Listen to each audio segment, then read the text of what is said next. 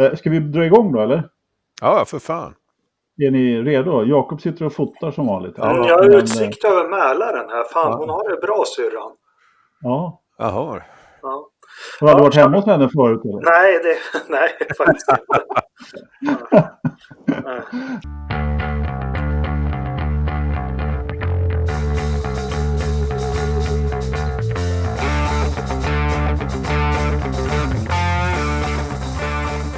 Hej och välkomna! Det här är Forza Motorsport och Forza-podden avsnitt 40. Det börjar, det börjar pipa iväg som vi brukar säga. Mm. Eh, idag tänkte vi att vi skulle snacka ner Kinas GP lite grann och eh, Indycar från Long Beach. Eh, det är vad som står på programmet. Vi kanske slänger in en Engelmarks kvarting där i, någonstans emellan också så, så, så blir det säkert bra. Eh, hör du, eh, Ternström, hobbystatist statistiken. Är du med oss? Jag är med, jag är med. Absolut. Helt otroligt. Ja, Vad bra. Från den eh, ruffiga delen av Huddinge. Ja, exakt. Eh, ja. Det är kul att ni kan vara med fast ni är på, sitter där på Bahamas med paraplydrinkar och, och, eh, och ja, par påsar med kokain inne på hotellrummet. Ja, Eller hur? Det gick ju bra med insamlingen. Ja, ja, det gick fint. Alldeles utmärkt. Vi, jag tror vi tar en liten punkt på den också sen. Jakob, eh, sjöutsikt idag eller? Ja, precis. Jag sitter och tittar ut över, över Mälaren och förstummad att se Ternström här i live. Eh, jag fick för mig när den här live-feeden gick ut att de grep någon i London på en ambassad. Jag var helt säker på att det var han, men det var tydligen någon Julian eller något hette ja, det var Julian. Ja, jag är... Ja, ja. ja, du är här. Ja, precis. Skål. Skål. Äh, men, eh, vi, hördu, Jakob, du drog ju igång det, eh, eller vi sa ju det omgående här. Det är lika bra att vi tar i insamlingen som Jakob drog igång igår kväll och eh, efter 50 minuter så hade vi fått ihop till vårt lilla inspelningsprogram här, vilket vi tackar alldeles speciellt för. Det var ju ett eh, mycket bra, hedvärt eh, eh, som du drog igång Jakob. Hur, hur kom det sig? Eh, nej, men vi behövde ju lite bättre utrustning eftersom vi har svårt att få ihop det och träffas, vilket vi gjorde i början i en studio, ja. så har det blivit mer och mer sändningar eh, över nätet och eh, Skype har inte funkat och vi behövde en utrustning. Och vi har ju faktiskt bestämt, vi som hållit på med det här, Ola, Anders, jag och nu Ridderstolpe också, att det vi ska investera det är vår egen tid och det gör vi ganska mycket, men vi vill inte att det ska kosta för mycket pengar. Så, men eh, jag har klippt ihop ett litet snyggt tacktal som vi kan avsluta podden med, där alla bidragsgivare nämns med namn. Så där ja, så där ja. Det låter alldeles utmärkt. Då tar vi det i slutet. Mm. Det var bra det. Eh, sen ska vi säga, det ska väl redovisas. Jag är lite nervös över att det plingar in pengar här. Men det vart ju ett litet överskott. Men där har vi sagt att vi kanske ska göra lite, vad heter det i rockvärlden Ternström? Merch. Merch. Merch. Mer merchandise. Merch, ja. eh, I rockvärlden gör, gör, man väl det för att tjäna pengar ytterligare. Men vi gör det för de pengarna vi har fått. Eh, ja. ja, det blir nog bra. Alldeles utmärkt. Eh, det blir alldeles säkert jättebra. Det tror jag också. Jaha, nej men ska vi eh, gå vidare till eh, helgens begivenheter eh, och lite motorsport då. Kinas GP. Det var inget att prata om tyckte du Jakob, men jag måste säga det att det finns ju ändå några punkter där som behöver tas upp. Som ja. På något sätt, även fast, fast loppet kanske inte var det mest spännande i, i världshistorien. Och med världshistorien så är det ju tusen då det var ju tusendeloppet. Även om du hade lite synpunkter på det du, statistiken där. Eh, du tyckte att det var några halva lopp som... Ja, exakt. Eh, lite snabbt där så eh, eh drog jag mig till minnes eh, Österrikes GP 75 som eh, avbröts efter halva racet på grund av regn. Och sedan var det någon annan, eh, som jag tyvärr glömt bort namnet på, som fyllde på med eh, att även Spaniens GP Eh, när fan var det? Det, det måste ha varit tidigare, va? eller var det samma år? Eh, Rolf Stommelen kraschade ju in i publiken där och då bröts ju det loppet också. Adelaide eh, 91, sex varv. Ja, så kanske det var. Ja, men det, det blir nog säkert en... Eh, det finns säkert ytterligare några halva race eh, eh, så, genom åren där. Va? Så att eh, hade de varit lite smarta så hade de ju kanske kunnat se till att det tusende loppet kördes någon annanstans än Kina av alla jädra ställen. Alltså. Ja, alltså vi på Forza-podden, vi kommer ju då att fira det riktiga tusendeloppet här framåt eh, sommar någon gång, eller hur? Har vi, har vi kommit på var det är någonstans? Ja, du hade ju räknat ut det. Monza, var det inte det? Ja, det bara slängde ur mig. Ja, men, men, äh, lite med. Jag försöker ju vara lite seriös här nu och så håller du bara på att. Ja, ja. Äh, men faktum är så här att eh, eh de försökte få att lägga det tusendeloppet någon annanstans än Kina. Ja. Jag vet att de höll på med det, men eh, kineserna gick inte riktigt med på det. Så att eh, de skulle flytta om ordningen och det fick de inte göra. Så att, eh, Nej, då blev det Kina i alla fall. Och det var ju, ja, det stod tusen lite på några ställen och jag vet inte, jag såg ju Ja, Damon Hill körde ju sin pappas Lotus mm. 78 eh, eller... Ja, Men annars så var det ja, inte så mycket som hände. Han, han hann ju faktiskt ner dit. Han måste ha åkt direkt från Stockholm, Damon Hill. Han var ju här ja. och, och, presenterade en... Eh, vad fasen kallar man det för? En eh, produktserie med, med, eh, inte vet jag, parfymer och annat. Hårvårdsprodukter tror jag. Ja. Hudvårdsprodukter, hårvård, ja. precis. Ja. Ja, vad, vad, vad, är, vad är målgruppen? Eh, förväntar man sig att motorsportintresserade ska springa och köpa det där? Förmodligen inte. Vi är ju för fan helt... Eh, vi är ju fullständigt totala analfabeter. Det här är ju barnängens tvål som gäller. Ja, lite så. Men eh, eh, ja, man vet aldrig. Ja. Men du, Anders, vänta.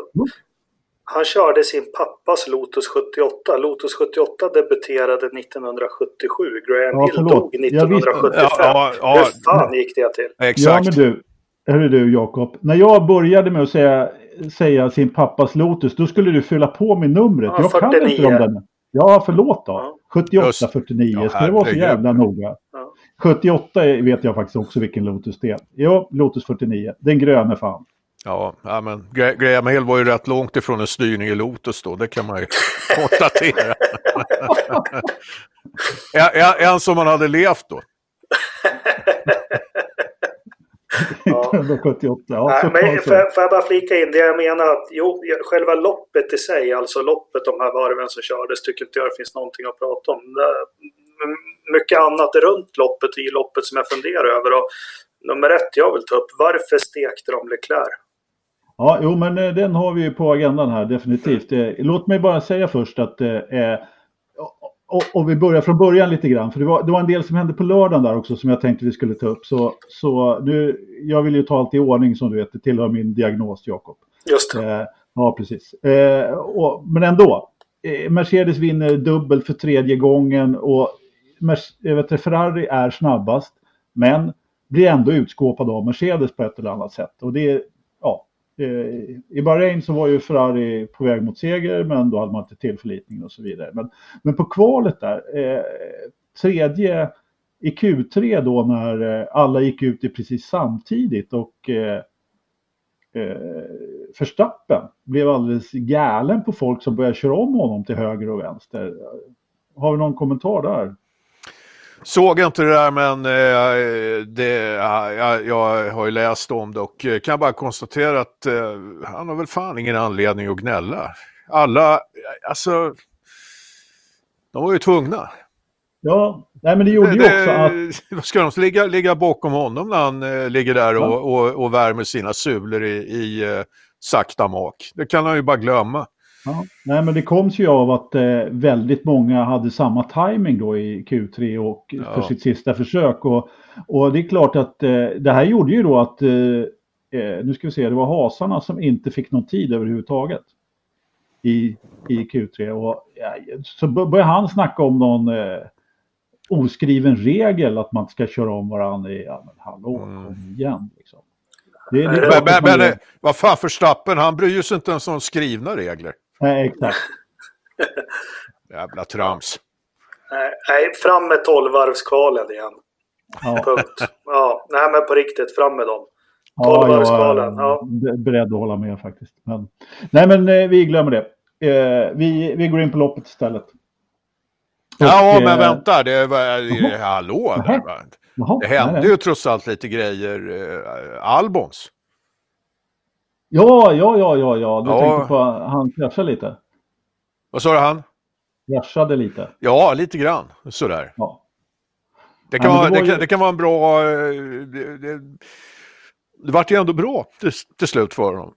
Ja, och, och, och det får man ju säga, det är rätt starkt att vända på en sån grej. För att eh, smälla en bil i muren på det där viset, rätt amatörmässigt, det är, då, då, vill man liksom inte, då, då, är det inte Toro Rosso man ska köra för, eller Red Bull när man gör såna där jävla tavlor.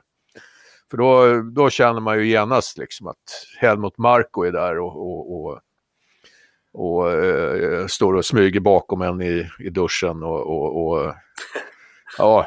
och river kontrakt eller? Och, ja, exakt. Ja, men det är, det är en obehaglig jävel.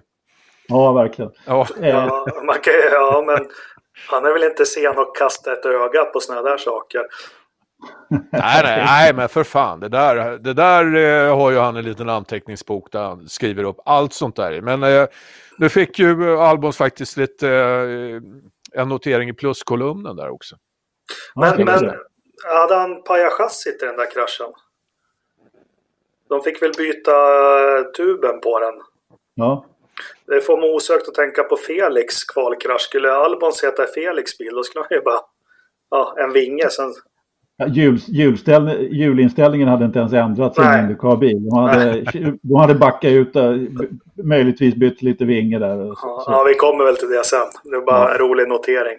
Ja, men det, visst är det så att det bara flyger ju delar om en Formel 1-bil på, på det sättet eh, då i, all, fram, i Albons krasch också. Den såg ju riktigt mosad ut verkligen. Mm. Eh, på, på, och jag såg, just det, det var ju tävling 3, det var ju mitt i natten där. Mm. Eh, jag, jag, var faktiskt uppe och tittade på det. Eh, eh, jag brukar kanske titta på de där träningarna i efterhand annars. Men det var, det var lite spännande där mitt i natten faktiskt. Och kolla läget. Han var, flaggade av på en gång. Så det gjorde han ju bra album från depån där definitivt. Men som sagt, det var ju loppet då. Och Albon han startade ju sist. Först startade ju Valtteri Bottas, din kompis Jakob. Yes han eh, sladdar lite på linjen. Mm. Han, det säger eh, väl allt om den här jävla sporten. Jag fick ja. hjulspinn på startlinjen så var det här loppet kört. Ja. Snacka ja, om att marknadsföra sporten. Ja, ja. Ja, men eller hur. Ja, men eller hur. Eh, det, var, ja, det var ju det, det som hände i, i stort sett. Och, ja, han hymlar ju inte med det. Han kan ju inte köra om Lewis. Det finns ju inte en chans. Han, hans enda chans att vinna loppet var ju att ta starten. Så var det. Mm. Så att, eh, ja. Ja, och så, så har vi killarna då bakom då.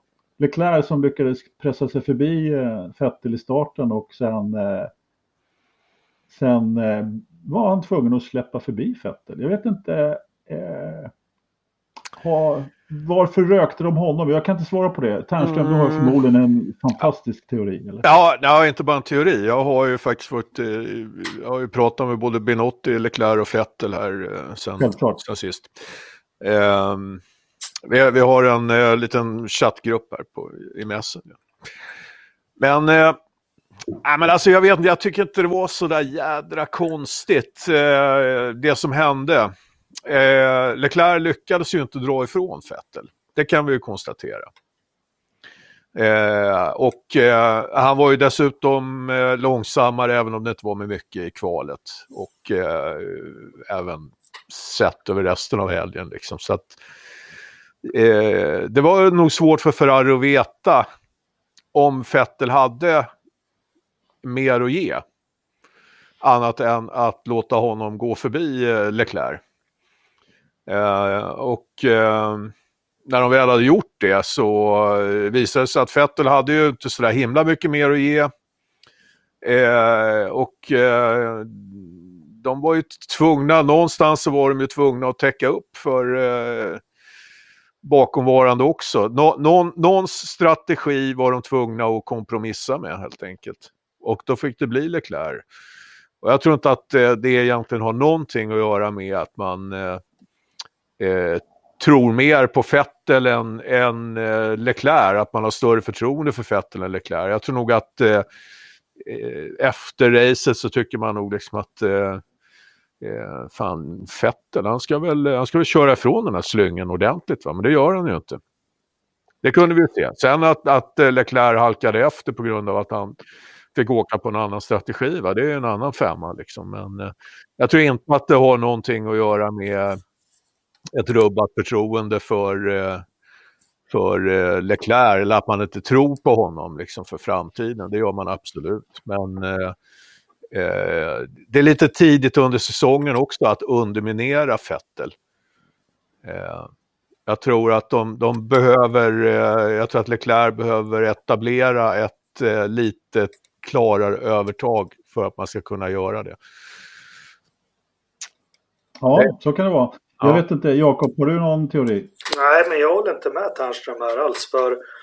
Bra, för det gör inte jag heller. Nej, jag fattar inte vad du menar egentligen. Alltså, han fick ju inte... Jo, han drog ifrån lite. Det såg till och med jag. Och han fick ju inte så många varv till på sig att dra ifrån. Ja, och sen får han släppa fetten, men varför steker de honom med strategin sen? Det är... Eh, eh de hade ingenting att vinna på på den strategin som de la upp åt honom utan de pajar ju hans... Nej, jag vet inte. Något, något lurigt är det med det här. Är det... Ja, ja nej. Men, nej, men alltså för det som jag tycker, det, man, det man gjorde egentligen när man eh, lät eh, Leclerc eh, gå åt sidan för Vettel. För det första så var det väl också så att Leclerc kunde ju inte hålla samma tempo som eh, Bottas. Vad gör Leclerc då? Jo, då, då går han ju in i, i att försöka behålla däcken så länge som möjligt. Fette ligger bakom med DRS och lyckas eh, hålla sig fast. Det är väl klart att Leclerc inte körde ifrån eh, Fettel på det sättet, men samtidigt så är det också att vad man gör när man ber eh, Leclerc gå åt sidan för Fettel, det är att man ger bort eh, poäng till Red Bull. Det, det, det, det var facit av vad, vad man gjorde. Och det måste Ferrari ha fattat i det läget när man gjorde. Att man helt, helt plötsligt ger poäng till en konkurrent. För jag menar, de, Förstappen förlåser de ju nacken där. Mm. Det, sen, det är min... Sen kan man ju också fråga sig eh, vad är det som inte stämmer hos Ferrari? Varför får de inte upp farten? Eh, det har jag funderat jättemycket på, för de, de, har, ju inge, de har ju ingen pace. Nej, men är det... De hade ju pace i Bahrain i alla fall. Eh, och de påstår ju att eh, Ferrari är snabb på rakerna och... Nej, Ferrari har fart i kurvorna och Mercedes på raksträckorna. Men, ja, tvärtom är det väl? Ja, tvärtom kanske. Ja, okay. Ja. Mm. Är, är det inte så att det är Mercedes som har fått ordning på, på sina grejer efter ett eh, skakigt försäsongstest. Jo, men, men, men, jag roar mig av ja, historiskt som vanligt. Men håller ni med mig? Det är alltid, det är alltid poker Formel 1 med ett stall som dominerar. Uh, och det avslutas alltid med att sista året så är det något stall som börjar få momentum alltså. Uh, om vi tar tillbaka McLaren dominera 88, 89, 90 så börjar Williams få momentum 91 för att sen ta över. Samma med Renault med Alonso. Alltså det har alltid varit så här. Och nu har jag trott att sedan 2017 att Ferrari har fått det här momentum men de, de kan inte kapitalisera på det. Och sen så verkar ju Mercedes vara sega så in i helvete och streta emot. Men det känns lite lurigt att de inte får är ni med vad jag menar med det här att de inte får det här momentumet? Ja. För de har varit på gång sedan 2017 och liksom, men de får inte att liksom släppa helt. Vad kan det bero på? Ja, det, är, det är alltså inledningen eh, på, på den här säsongen eh, måste man ju säga är ju... Eh, så den ger lite vibbar av fjolåret när det gäller Ferrari. Så att man kastar bort eh, sina möjligheter lite grann. Man utnyttjar dem inte till fullo. Ja, men, eh, eh visst är det så? Visst ja, det så? och, och alltså, tre dubbelsegrar för Mercedes. Ja. Alltså det jag vet inte. Det hjälpte tydligen inte att, att kicka Arriva Bene. Nej, alltså det, det, där är också intressant naturligtvis. Nu har man en helt annan ledarstil, en helt annan ja. profil alltihopa. Men det, det, som jag tyckte också var intressant, det var ju så att det var inte speciellt förvånande att, att Leclerc fick den här orden. Eh, och det pratas väldigt mycket om den i, både här och där. Men det var ju också tredje loppet i rad som han fick stallorden. Ja, eh, och jag, jag, tror att eh, om man då också ser att eh, resultaten lämnar en del att önska för Ferrari ja. eh, så tror jag att pressen på ledningen i Ferrari kommer att bli oerhört hård. Jag, jag tror att eh, italiensk media och fans kommer ju allt mer att ifrågasätta varför man inte eh, släpper loss eh, Leclerc fullständigt. Eh, om det, om, om, om det är, är rationellt eller inte, det, det, kan inte jag svara på. Det kanske, är, det kanske tar ytterligare ett tag innan Leclerc är en, den tydliga ledaren i teamet. Va? Eh, men eh, jag kan tänka mig att det finns en viss press. Någonstans börjar man leta fel. Den enda som inte har varit insyltad i eh, Ferraris eh, fiasko tidigare, det är Leclerc. Ja, visst är det så. Mm. Så är det. Han, eh, nej, men visst är det så. Och, jag menar, efter då Bahrain där, han, eh, där bilen går sönder i ledning, jättefiasko för Ferraris tillförlitlighet och mm. så helt plötsligt då, så, så händer det här. Så jag menar, ska, nu, nu, nu får man ju förutsätta och anta att han har ett fantastiskt psyke som kan komma igen efter det där. Så. Men eh, jag misstänker ju att eh, det ju, blir ju inte lättare om de eh, gör så, som de gjorde i söndags. Ja, men det, alltså jag tror att, eh, jag vet jag såg några kommentarer och folk undrar liksom om, om eh, ja, men knäcker de inte Leclercs självförtroende här? Jag tror att bakom kulisserna så tror jag att eh, eh han har fullt stöd från eh, Ferrari-ledningen. Och, och, och, eh, jag tror att de har ett politiskt problem att hantera med, med Fettel. De kan inte bara ge honom eh, en order att eh, eh underordna sig Leclerc. Nej, det, det, det, det, det, går inte så här tidigt under säsongen. Nej, men det vi såg på banan var ju politik. Det var ju politik. Och ja, typ, typisk Ferrari-politik. Och ja, ja, Formel 1-politik. Liksom. Men eh, har du fått svar på dina frågor Jakob? Kan vi gå vidare? Nej, men jag tycker, ja, nej, vi hamnar på Leclerc och så, men just det här med momentum och inte kunna utnyttja det. Sen är jag, jag är otroligt imponerad av Mercedes. Jag är imponerad av alla som idrottsmän och prestationerna. Man gör igen och igen och igen hela tiden. Men jag trodde att de hade pikat, om ni kommer ihåg förra året på, på Spa. Mm. Kommer ihåg Spa förra året när Vettel blåste om på andra varvet och vann med massor? Då trodde jag, men nu är det bara nerför med Mercedes och nu har Ferrari fått det här momentumet. Men de stretar emot och jag vet inte vad det är, om de uppdaterar bil eller vad de gör, men hela tiden så kommer de, de ja, kommer upp med bästa handen hela tiden. Mercedes är ju en tysk maskin. De har ju hittat ett extremt framgångskoncept som gör att de utvecklas hela tiden framåt. Och de jobbar ju på det sättet också. Och Eh, där har, Ferrari är inte på den nivån. Även om de eh, lyckats med vissa tekniska detaljer som de gör så, så är det så mycket mer berg och dalbana i Ferrari och har alltid varit skulle jag säga. Eh, att hittar man någonting bra så har man, precis som du säger, så får man momentum. Eh, men jag, jag, känner att det momentum som det har haft nu, det har inte riktigt räckt för att man har haft den här organisationen med tidigare då med Arvia Bene som har varit eh, benhård och inte släppt fram någonting i stort sett, management by fear.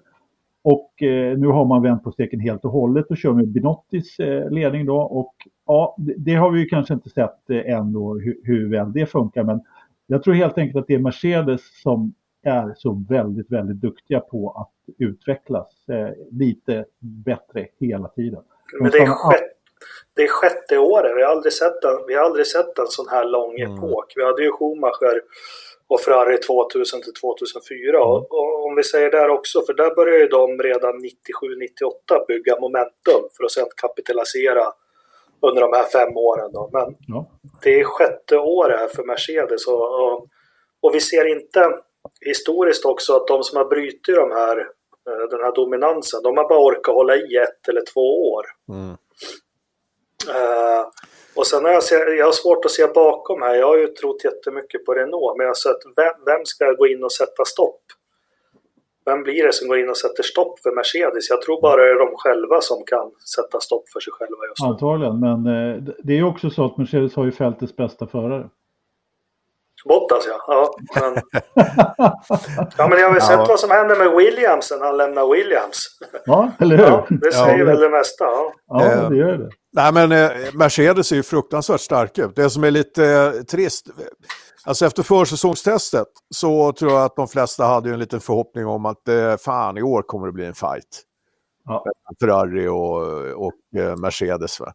Men eh, det ser ju snarare ut som att Mercedes faktiskt är starkare än vad de var i fjol. I fjol hade de ju problem med att de slet ju däck så in i helvete och, och, och hade en del race där de inte kunde eh, hålla pacen över hela, över hela racet. Va? Fick ju problem med, med och fick göra lite extra depåstopp och såna här grejer. Men de problemen ser de ut att ha eliminerat. De ser ut att ha eliminerat eh, fartproblemen från eh, från försäsongstestet. Det kan mycket väl vara så att de fick ordning på den där jädra framvingen. De har ju hållit på och experimenterat lite grann med den, hade väl lite nya delar till, till, eh, till framvingen till, eh, till det här racet. Liksom. Så att, eh, jag vet inte, det är, de ser oerhört svårstoppade ut och problemet ja, men... för Ferrari det är ju liksom att eh, alla de här lägena när, när det går dem emot så verkar de ha så lätt att hamna i lite onda cirklar. Va? Det, det, ja. De kommer inte ur det, de imploderar. Ja, men, och det är ju det, vid motgångar, det är ju då Ferrari, de är inte trygga i Nej. sin utveckling och det de håller på med. Utan, och det är ju det jag säger med Mercedes-maskinen. Liksom. Ja. Att de, jag menar, precis som du säger, de håller på med, med sina framvingar. Men det, och det är klart att då har man ju tio framvingar som man testar sig fram i. Det är ju oh ja. inte som Racing Point som har en, eller hade en tidigare, när de hette något annat. De inte så mm. många. Men, äh, men som de sämre finansierade stallen som inte har de möjligheterna. Det är klart att Mercedes har ju verkligen hittat, och det, det handlar ju inte bara om pengar, utan det handlar ju om att använda dem på rätt sätt. Ja, ja, det, de äh, känns ju som att äh, de har ordning på sina interna processer och, och när det ja. väl går fel så är det inte då letar man inte någon syndabock, utan Nej. Eh, då, Nej, då, då eh, ser man till att lösa problemen istället. Ja. Men eh, för att, för att bara återknyta till Kinas GP där och vad heter hur, hur Mercedes dominans. Nu var vi tillbaka där igen med Mercedes först, Ferrari 2, ja, förutom Leclerc då som, som blev bortsjabblad av stallet och sen så har vi Red Bull på tredje plats som sen då varvar resten av fältet i stort sett. Jag menar, ja. och Sli då, som för en gångs skull då, han är ju alltså en sekund efter nästan eh, förstappen i kvalet. Men Red Bull är så pass bra ja. jämfört med övriga att han ändå kan sladda in på sjätte plats. Mm. Ja, men så att eh, Renault, de var ju eh, ja, som bäst av resten då var Ricardo, men eh, fortfarande hur långt efter som helst så hade vi det där gapet igen som vi inte har varit lika stort i år. Men... Nej. Nej, men det, det där känns ju... Eh, det, det, och, och det är så här, kan det se ut ibland i säsongsöppningarna att eh, eh, innan teamen har fått ordning på grejerna riktigt ordentligt så, så kan det se ut som att eh, äntligen, nu blir det fight. Eh. Gapet är mindre mellan topp och botten, va? men utvecklingen går ju så fruktansvärt fort också. Alltså när, när Ferrari och Mercedes får ordning på sina grejer så får de det snabbare än vad de andra får ordning på sina prylar. Man, kom, man kommer till de här banorna som kanske är mer representativa för de banor som man kommer att, köra på fortsättningsvis. Och då, då ser det ut som vanligt igen. Och eh, tittar man i tabellen nu, ja men då, då har vi alla sex förare från de, de eh, tre toppteamen. Eh, de ligger där på de sex första platserna. Eh, ja. Vad som jag skrev i något inlägg där. Liksom. Det är jättespännande. 70 procent eh, av startfältet är avsågat redan nu efter tre race. Liksom. Det är, Eller hur? Är bedrövligt. Jag menar, det, den enda som eh, sladdar lite är ju Gasly. Va? Men eh, det, spelar ja, det, ingen, bara... det spelar ju ingen roll när biljäveln är så pass bra. Nej, han kommer ju fatt inom kort. Ja. han kommer ju ramla uppåt i den där listan om han bara får fortsätta. Om de inte byter ut honom mot eh, Ja. Kviat. ja, eller hur? Kviat eller, eller eh, Albon. Ja. Eh, det, har ju, ja, det har ju redan pratats om det. det. det. får de ju skylla sig själva att det pratas om det när, mm. när de har betett sig som de har gjort. Ja, men det var, eh, det var ju lite grann från loppet. Jag tänkte, jag, jag har en egentligen sekvens till som jag tänkte vi skulle snacka om i alla fall lite grann. Och det är ju startsmällen då. Så här, eh, nämnde ryska torpeden eh, kraschar ut båda McLaren, eller kraschar ut och kraschar ut, men han är in mm. i en eh, situation där han eh, på Sainz som är på Norris, det var ganska tilltrasslande den situationen, men han blev, får i alla fall ett drive-through.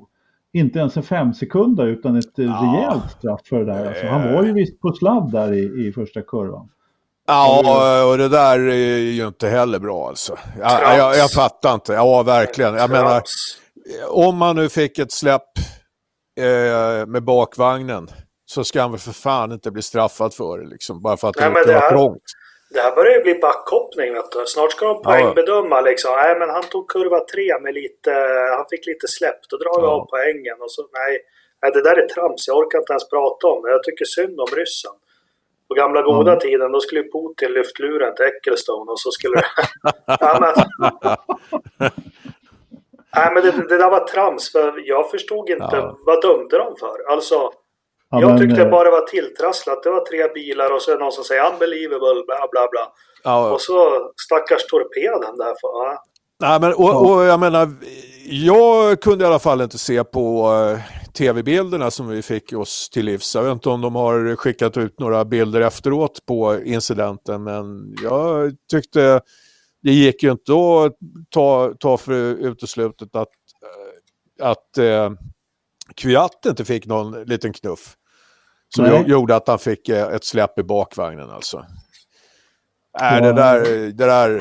Fan. Nej, och dessutom Sainz är på väg, eh, på väg till upp på banan. Nej, men alltså för första gången, kära lyssnare, för första gången i världshistorien, vi tre är eniga. Mm. Fan, vi bör, vi... känns jävligt obehagligt faktiskt. Ja, jo, jag vet. Jag, jag, kände, jag fick såna här kalla kårar längs ryggraden när jag sa det. Ja, så nu lägger vi på lite Enya här och så avslutar vi. ja, men det, det, det, kommer väl komma några programpunkter där vi ryker ihop ordentligt. Ja, vi får hoppas N det. Närmar vi oss inte det? Jag hoppas det. Jag hoppas Fast, det. Eh, kan jag få ta upp om det var sista punkten om Kina? Eh, vi har inte berört den stora skandalen. I alla fall eh, det var inte den sista punkten, jag har inte läst manus. Men eh, kör du Jakob, det är helt okej. Okay. Nej, men det, det svallar ju upp en skandal här efter loppet som för mig, jag tycker det är bekymmersamt och ja, jag vet inte hur de ska Ja, nej, en stor skandal bara. Va, vad är det du refererar till? Nej, men Formel 1, det, alltså nu är vi i Fjärran Östern och kör Kina. Det är liksom multinationella företag. Det är miljarders miljarders, det är fans. Ja. Alltså alla vet den här cirkusen. Och så får vi se de här bilderna på Kimmy kablas ut. Mm. Jaha, du tänkte på när han tappade ett glas och är lite packad? Ja, det är så Men... oansvarigt. Tänk alla unga människor som följer sporten. Ja, herregud. Det är förskräckligt. Ja. Vad kommer hända nu? Jag tror, jag tror vi kommer att se väldigt mycket ungdomsfyllor ute på kartingtävlingarna. ja, men tror ni inte, alltså där skulle Marcus aldrig gjort när han körde för Sauber. Nej. det är klart. För vilka, men Kimi kör ju för Alfa, herregud. Givetvis ja, så skojar jag. Jag tycker det, ja. det, är så uppfriskande att se. Det är liksom, vad fan, det var ju någon som skrev, alltså det ser ut som att det där kunde lika gärna varit när han åkte på väg till loppet. Fast det, det är ingenting som säger att, det där är, att det där är efter loppet. Nej, nej. Fast, det, fast det bästa av allt, det tycker jag, nu refererar de ju till honom som hobbyföraren också. Det, det tycker jag är det absolut bästa. Han kommer ut liksom, alla andra superseriösa, liksom, äh, jag kör mest för hobby nu för tiden. Liksom. Vad va fan, det, alltså grejen är ju, det, det, det, jag menar, intrycket är ju att Kimmy var ju den enda som firade att det var det tusende loppet. ja, precis. Och, då, och då får han fan för det. Ja, väl nej, jag, jag tycker det, det, nej, det, det är för mycket P, PK i, i Formel 1 alltså. Ja, men jag älskar ju dekadens och liksom sådär mitt på blanka dagen var sådär jävla radiostyrd. Det är inte så att, att han hade dragit i sig två öl efter loppet på hotellrum utan det där luktar ju en en 70 på under ja, 20 där, minuter. Han var, han var på väg till flyget och, ja. och, det är ju jävligt många vill ju liksom ha lite alkohol i kroppen för att spänna av. Det, det, ja. Nej, för fan. Det, men vadå, har, har det blivit något snack? Nej, ja, nej, absolut inte. Jag tyckte, det var, jag tyckte det var så uppfriskande att se. Och, och vi kommer ju prata om det, men nu, nu har man ju något att ställa Formel 1 mot när man ser Indy hela tiden. Och fan ja. vad stramt och tråkigt Formel 1 är. Sånt ja. där behövs. Kröka mer, Kimmy. Ja, men absolut. Eh, han, han, eh, han, hade väl kanske inte fru och barn med sig så han passade på lite grann och, och tog en eh, för gamla tider sådär. Ja, men vem, vem, vem förutom Kimmy skulle vi på griden se sådär dyngrak då helst? Günther. men han är ju inte på ja. griden. ja, han går ju där. Nej, men Kevin möjligen, eh, faktiskt. Eh, skulle kunna vara den enda som jag kanske skulle kunna tänka mig eventuellt som vinglar till lite grann. Men jag, jag måste bara eh, eh, höra med er vad ni tycker om eh, när vi är inne på när jag försöker få in lite has och mm. Rich Kennedy i programmet äntligen. Alltså, det är andra loppet i rad som de gör ett jättebra kval och sen tappar all fart i loppet och mm. ramlar som stenar bakåt i fältet även om Grosjean hade hugg på en poäng men det är fortfarande liksom hur dåligt som helst i förhållande till ja. eh, till kvalet. Liksom. Vad, vad är, är det någon som har någon fundering på vad det kan vara? Däcken. Jo, däcken. De, däcken. Ja, men det är väl givet. De, de, eh, de får in däcken jättebra för kval. Och de får in dem alldeles för bra så det nöts för mycket i långa loppet. Ja. Nu har inte ja, jag kollat något vidare, men eh, var det förra loppet, då var väl de... Nej, då sjönk han som en sten från varvet, va, Kevin? Ja, det gjorde Ja. Nej, Ja. Alltså jag vet inte, att hålla på att analysera de här mittfältsteamen, eh, det har man ju hållit på med så in i helvete länge nu och, och eh, det känns inte så där himla intressant. Vilket ju är ett diskussionsämne i sig. Va? Men vi vet ändå, ja, men det kommer att, det kommer att svänga med de, mellan de här mittfältsteamen. Liksom. Det, det, så är det. Och så tror man liksom att nu är de på gång. Och, och då så tappar de igen och ah, det är fan, det är som det var i fjol. Nej, jag tycker inte det är riktigt som i fjol, utan jag tycker att det, det är betydligt jämnt. Det har, alltså det har ju tajtat till sig lite mer och det är betydligt jämnare på kvalen, men samtidigt så har ju inte, Haas har ju uppenbarligen problem då med, med sina ja, longruns. det där löser de. Det löser de. Ja, för jag, jag, jag, jag, är som du, vet, när jag ser, det, det är ändå två lopp i rad Ternström. Det är, stat, typiskt, det är statistiskt säkerställt att det... Mm, ja, men två, två lopp är inte samma sak som 13 träningspass. Nej, det är ju inte det faktiskt. Men, men, men för att inte lyssnarna ska bli helt jävla förvirrade. De fattar inte vad vi pratar om.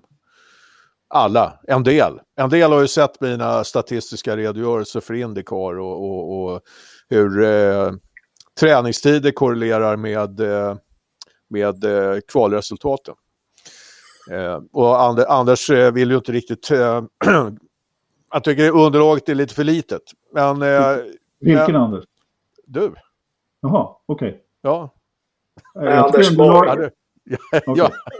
Anders Björk. Jag blev lite förvånad. Ja. Jag, jag, har inte, jag har inte sagt något annat än att jag Nej, tyckte men... att det var för, för lite med tre lopp. Men, ja, men 13, 13 träningar, det är en alldeles utmärkt underlag för ja. att titta på om man är snabb eller inte. Ja, men jag är djupdykt i det. Jag måste bara få flika in, sen ska jag vara tyst. Men alltså, det var bra att du tog fram det. För den här Nordkorea-sidan som jag nu har gått ur.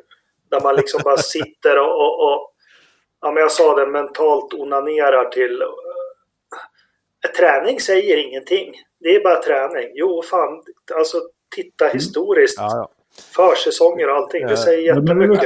Ja, eh, på, på, eh, på alla nivåer så kan man utgå från att uh, träningarna faktiskt uh, betyder någonting. Jag menar, uh, om, man, om man varit på STCC-tester och, och sett liksom hur förarna laddar slutminuten på försäsongstestet bara för att toppa ett, ett test som egentligen, och det är helt meningslöst att toppa det testet ger ingenting, men lik förbannat liksom. Jag kommer ihåg Mattias Andersson när han eh, gjorde ett jävligt bra eh, sista varv på, på eh, ett försäsongstest. Kastar sig ur bilen liksom och, och, det är high five till höger och vänster. Och sen säger alla i depån, äh, träningstiderna, äh, det, inte, det betyder ingenting. Äh, nej, tjena. Det är bara någonting mm. man säger. Och, och, det är samma sak i Indycar och det är samma sak i Formel 1. Men eh, eh, för att knyta ihop påsen där med F1. Eh, var var vi någonstans egentligen? Ingen som helst aning. Jo, men det var, det var ju någonting med tre, tre träningar som du... Nej, det var, det var två tre, lopp. Tre, tre, tre lopp köra. Ja. Haas ja. egentligen som ramlar ja. genom fältet. Att jo. det var statistiskt säkerställt att de gör det. Men ja, visst. Det, det, är klart att det, det, var ju mer, mer, på skoj. Men de har gjort det nu två lopp i rad egentligen. Ja, ja, visst. visst. Men det är också, men det är också på två jävligt, eh, förmodligen eh, väldigt olika banor till karaktären. Ja. Och just det, just det är ju lite skrämmande då, skulle jag säga, om man gör det på så pass olika banor på samma sätt. Ja, precis, men om man då kommer från en bana av, av en väldigt speciell karaktär som, som Bahrain så, och haft problem där så är det ju inte säkert att man, eh, den lösning man tar fram eh, liksom funkar i Kina. Men låt det gå, ett par, att... låt det gå ett par, tre lopp på, på banor av sedvanlig karaktär så kommer de ju hitta rätt där. Ja, du tror att de har gått eh, kanske fel åt andra hållet? Ja, eller, så, så, kan, så kan det ju vara. Liksom. Jag vill bara dra mitt favoritcitat när vi pratar träningar och det är från Eje Älg som sa att ja, det är i alla fall ingen som försöker köra långsamt. Nej. Och det, Nej, men, det tycker jag men... sammanfattar en del. Liksom, att det är, det är ingen som försöker köra långsamt men samtidigt så är det ju väldigt olika nivåer på, på bränsle och så vidare. Ja, och fast, kan, kan ju skilja lite grann. Men samtidigt ja i det långa loppet så är det ju så att där, där ser man ju ofta, det är, det är bara att titta på Colton Hurta. Eh, mm. Och liksom alla som trodde att det var någon form av glory run som, eh, som de gjorde på försäsongstesterna. Liksom. Ja, ja. Man har ju hängt med hur bra som helst. I, I Formel 1 så är, det ju eh, när man ska försöka och, och uh, tolka tränings och testtider så kan det vara lite knepigare. Det finns betydligt fler däcktyper att välja på. Skillnaden mellan en fulltankad bil och en tom bil är betydligt större än vad den till ja. exempel är i Indycar. Jo, så där, där, gäller det, där, där gäller det att man någonstans uh, har lite koll på uh, Eh, eh, på de grejerna. Då. Men, men då brukar det ju å andra sidan finnas många som eh, eh, loggar varvtider och så vidare. Det är bara att gå in på Autosports forum så, så finns det de som eh, eh, eh är eh, ännu värre statistiker så att säga och, och, och eh, har så pass bra koll så man, man, man kan lista ut lite grann. Ja, men, men alltså... Race, race till exempel. Men, men nummer ett, när man, när man är i de här olika forum och grejer, särskilt men försäsongstesterna, alltså, att man nu 2019 pratar om glory runs, det är alltså, lägg ner. För det, sist det var en glory run, det var faktiskt försäsongstesterna 96 när Jordan ville ha hem den här Benson Hedges sponsorshipet. Mm när de liksom lättade bilen, den vägde väl 70 kilo och körde två varv och toppade och så skrev de på kontraktet. Det har inte varit någon glory runs efter det. Om du tittar på träningstider Ternström också, nu har ju du gjort ja. jättefin statistik, men när såg vi till exempel FP1 Lewis Hamilton logga 25 varv och vara på 17 plats? Har nej. aldrig hänt. Har aldrig hänt. Nej, nej. nej, nej. nej. Så, och, och de som försöker, och det, det är de här oj vad vi ska vara glada att vi har svenskar med motorsport så nu ska vi hitta allting så jättepositivt som möjligt och, och jättemycket förklaringar för annars är vi negativa och då får vi åka till Gulag eh, som liksom försöker säga att det betyder ingenting att man är långsam i FB1 eller FB2. Det är skitsnack. Det är skitsnack. Men, eh, absolut. Eh, men jag är helt enig där när det gäller träningstider. Men du, nu har vi redan börjat prata, prata Indycar och träningstider, eller blanda ihop det lite grann i alla fall. Ska vi ta och lyssna på Engelmarks kvartingen när vi går in på äh, loppet i söndags på ja, Long Beach? Vi kör! Ja, här kommer den. Hej och välkomna till Engelmarks kvarting. Idag ska vi prata om dagen då Sverige var en stormakt inom Formel 1. Den 5 juni 1977 så stod det två svenskar på podiet i Solder i Belgien. Och inte var det Ronny Pettersson som stod längst upp. Nej, han slutade trea i det här racet men det var hans arvtagare från Helsingborg, Gunnar Nilsson, som fick kliva högst upp på prispallen. Det kan förefalla helt obegripligt för oss som nu är helt till oss över att det är två svenskar som startar Indycar. Att vi bara för 40 år sedan nästan ockuperade en prispall i Formel 1. Men nu blev det då så här. Ja, vi får nog backa baka bandet en hel del. För Sverige, vi har faktiskt stått oss ganska hyfsat bra i kungaklassen. Främst genom Joakim Bonnier som var ett respekterat namn och kunde stoltsera med en F1-vinst 1959 i Nederländernas Grand Prix när han körde en BRM. Han representerar Sverige under hela 60-talet till arvtagarna Ronny och Reine var redo för Formel 1. Redan 1970 var det svensk representation på prispallen igen då Reine i sitt första lopp slutade trea i USAs Grand Prix i en Lotus 72. Där han har fått hoppa in för att ersätta den avlidna Jochen Rindt. Året därefter, 1971, så var det Ronny som radade upp andra platser och slutade tvåa i VM. Självklart tillhörde ju resten av 70-talet Ronny. Men vi hade flera deltagare från Sverige som startade enstaka lopp. Namn som Bertil Ros, Torsten Palm och Conny Andersson är det väl många som minns. Men bakom dessa så smög den glada, spralliga rikemanssonen från Helsingborg, Gunnar Nilsson, fram. Men nyckeln till att få två svenskar på prisfallen får nog tillstå Ronnys avtagande förtroende för Collie Chapman och Lotusstallet. Efter ett lovande 1973 och efter att, ja, vad man kan anse som efter förutsättningarna godkänt 1974 så bestod nästkommande år av brustna luften om nya bilar. Nya bilar som inte fungerade, ständiga krascher på träningar och en avsevärd minskad peng från John Player Special. Redan i Brasiliens Grand Prix 1975 hade Ronny skrivit på ett kontrakt med Shadows. Det finns till och med bilder på det. Men på något vis så lockade Colin kvar Ronny i stallet. Men ett lopp in på 1976 års säsong så var tålamodet slut. Trots att Ronny hade skrivit, skrivit flera brev till Colin där han tillkännagav sin oro för att köra de sköra Lotusbilarna så kände Ronny att respekten var förlorad och skilsmässan var ett faktum.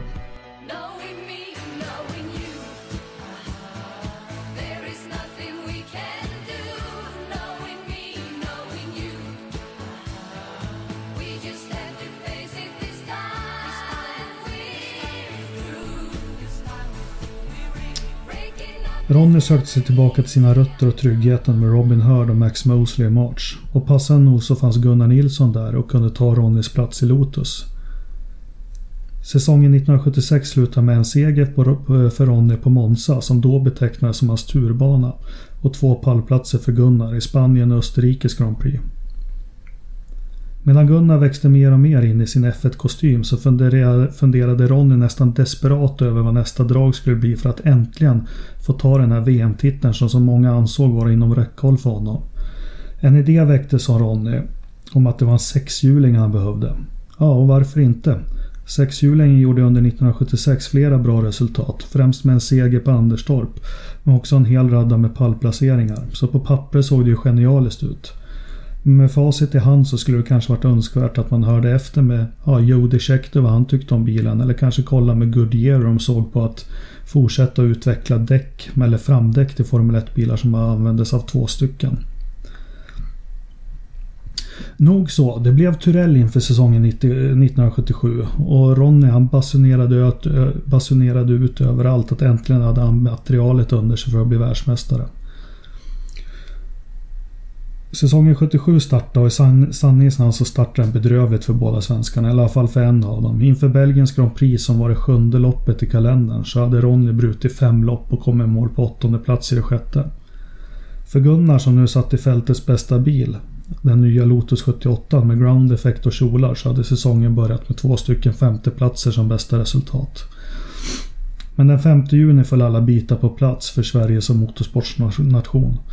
Gunnar som kvalat ovanligt bra startar på tredje plats gjorde i ett upptorkande race det strategiska valet att tidigt byta till slicks.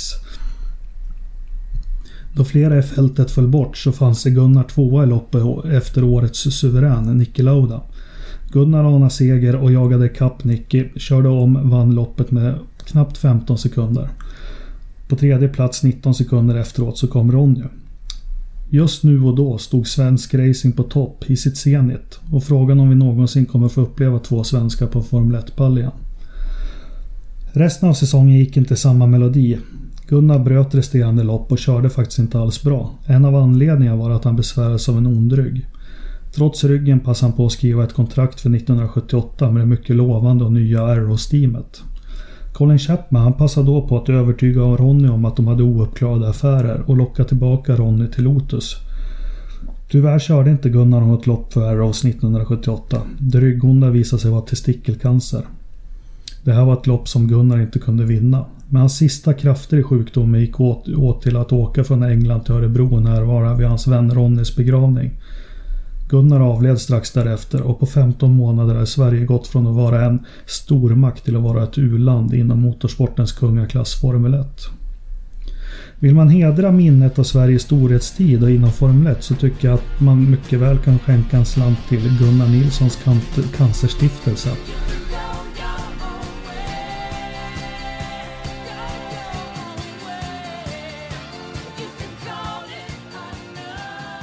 Ja, härligt. Mm. Jakob, du har varit och grävt i arkiven igen. Ja, eller arkivet bakhuvudet. Jo, men... Ja, jo, det var det jag menade. Huvudarkivet. 40 år sedan, det var faktiskt en helg där vi var en stormakt i, i kungaklassen Formel 1. Ja. Jag tycker att med all, alla minnesprogram och sånt på tv, fasen, det får ingen uppmärksamhet. Vi var etta och trea i ett Formel 1-lopp, helt otroligt. Ja. Du var väl där, Ternström? Du firade väl din 40-årsdag här i samband med... Ja, eh, jag kan ha varit där. Ja, det är lite dimmiga, dimmiga minnen från den tiden. Men eh, faktum är att det hade ju faktiskt kunnat varit en tredje svensk på startlinjen. Conny Andersson försökte kvala in i, i, eh, i det loppet. Eh, och, eh, men eh, var det verkligen Solder? Var det inte på Nivellbanan? Nej, det var Solder. Va? Ja, i alla händelser. Eh, Conny Andersson... Det var därför du inte eh, såg, det var därför du inte såg ja, var, var, jag var på fel ställe. men, eh, det var därför Conny inte kvalade in. Han var och körde på fel bana. Ja, nej, men han, eh, han eh, skulle ju köra för BRM där och BRM hade ju en riktigt sopig bil. BRM var ju verkligen på sluttampen där av, av, eh, av, av sin F1 eh, sitt F1-engagemang. Och eh, Conny lyckades inte kvala in. Conny var vid det tillfället, jag tror att 36 eller 37 år gammal. Eh, började köra racing väldigt sent alltså. Ja, eh, närmade sig nästan 30 ja, när han började köra racing. Eh, och måste ha varit en oerhörd talang alltså. Eh, för han, han blev tvåa i Formel 3-EM, om det var 76, tror jag.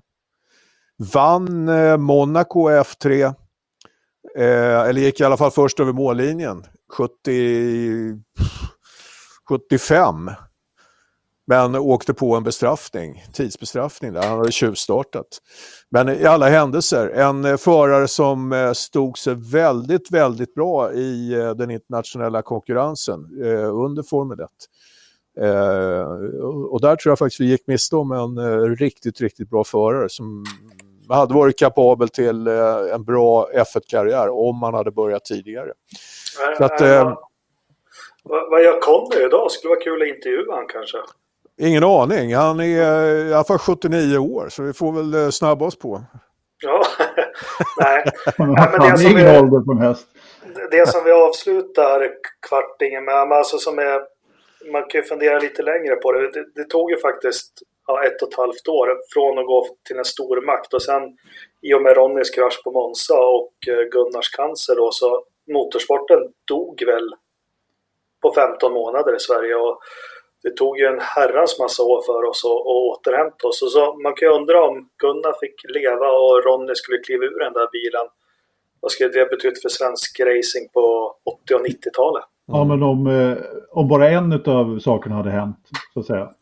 Jag, menar, jag tror att det, det, det, som, det som tog död på motorsportintresset var ju eh, Ronnys krasch och sen som lök på laxen så hade vi ingen liksom, som kunde fortsätta då i med Gunnar. Så att, det var, det var nog tvåstegsraket där som eh, punkterade motorsportintresset i Sverige väldigt effektivt. Mm. Hade, den ena händelsen kanske inte hade varit så genom... Hade inte, kanske inte fått lika mycket genomslag om det, om det bara hade varit en av de där två händelserna. Men det, det fanns ju, motorsport fanns ju inte efter det i stort sett. Ja, men så. visst var det väl, jag var ju bara ett år när Ronny dog, men visst gick väl snacket i massmedia att man, nej, nu ska vi fasen förbjuda motorsport. Ja, det var mycket. Det var, det, det var, det var verkligen förbjud motorsport. Mm. Det var, det var, det var helt sjukt egentligen vilken, vilken tid det var. Sådär. Jag var inte så gammal jag heller, men eh, Ternström, du var ju medelålders. Så att... Ja, vad, vad fasen då? Jag är väl inte så mycket äldre än vad du är, men eh, jag tror jag var väl eh, 16-17 när Ronny dog. Ja. Eh, nej, men rubrikerna eh, barkade ju iväg lite grann åt det hållet, men, men eh, Sverige var ju och är ju fortfarande i viss mån det här stora världssamvetet som eh, gärna sätter sig på förbudshästarna och, och, och eh, ska lägga sig i allting som, som är, är farligt. Eh, proffsboxning var ju förbjudet i, i många år. Det var flera där som tyckte att eh, det är väl lika bra att motorsporten går samma väg. Lite som Indycar Sweden. Nej, skämt åsido, men kom gärna med lite förslag om, ni, om det finns önskemål om någon speciell tillbakablick. Eh, det kommer en ny nästa vecka. Ja, härligt. Bra Jakob, eh, bra jobbat. Tack.